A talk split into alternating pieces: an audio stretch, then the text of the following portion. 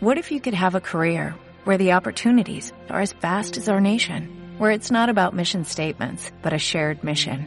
At U.S. Customs and Border Protection, we go beyond to protect more than borders, from ship to shore, air to ground, cities to local communities. CBP agents and officers are keeping people safe.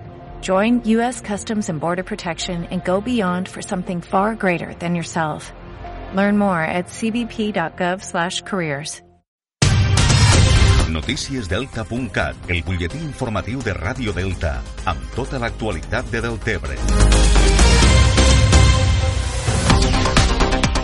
L'IRTA, l'Institut de Recerca i Tecnologies Agroalimentàries, ha testat amb bons resultats les primeres varietats d'arròs resistents a la salinitat.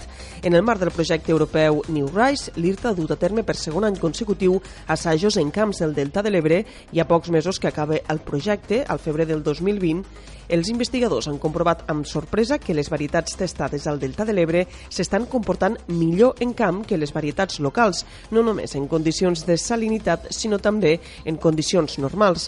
Actualment, a sis mesos de finalitzar el projecte New Rice, l'IRTA i la Càmera Rossera del Montsià estan avaluant les varietats tolerants a la salinitat amb l'objectiu de seleccionar aquelles que es comporten millor per portar-les al registre.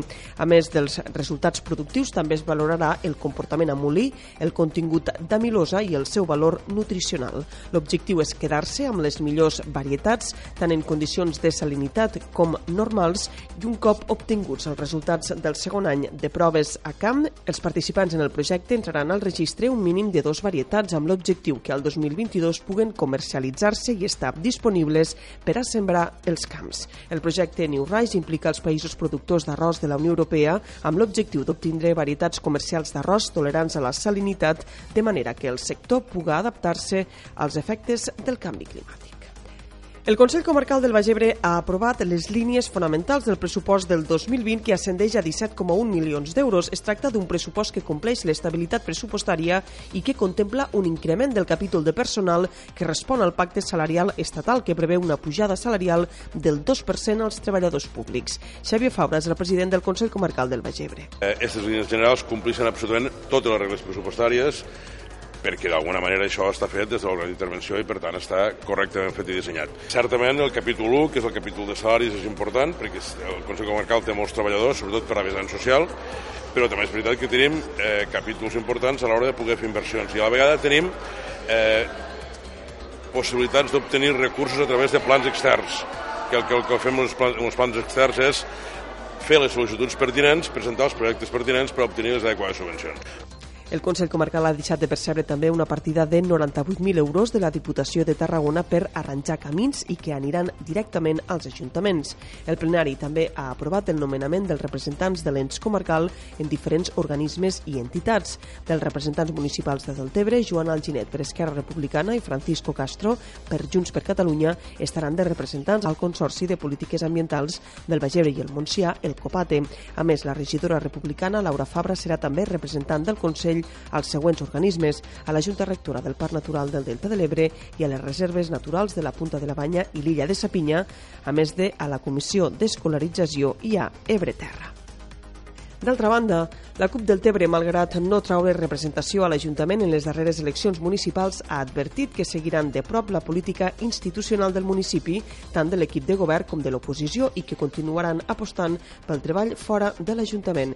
Escoltem l'exregidora Diana Santiago.